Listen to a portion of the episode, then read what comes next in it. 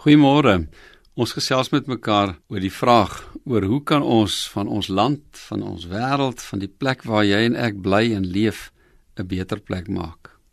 Luister wat het die Here Jesus vir ons gesê in Matteus 5 vers 9.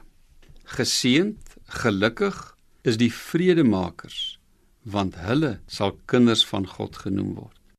Het jy gehoor? God sê sy kinders is die vredemakers.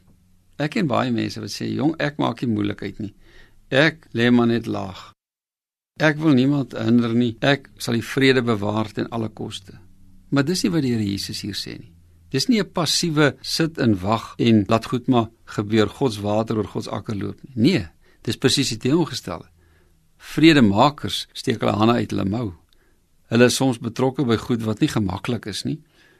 Hulle kry soms geweldige teestand Dis nie 'n populêre posisie om in te neem nie, maar die vredemakers gaan daarin om juis van hierdie plek 'n beter plek te maak. Om waar daar rusie is, waar daar misverstand is, om dit uit die weg uit te ruim.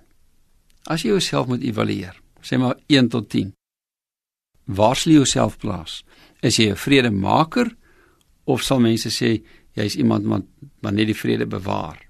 Natuurlik moet 'n mens dit op so 'n manier doen dat 'n mens nie weer nuwe energie losmaak nie maar juis in 'n positiewe sin. Kan jy dink aan 'n verhouding waar jy as 'n vredemaker 'n verskil kan maak? Kan jy dink aan 'n situasie vandag waar jy gaan gekonfronteer word, miskien by jou werk, miskien in jou besigheid en waar jy 'n ander rol kan vervul? Hoe sal die mense jou beskryf?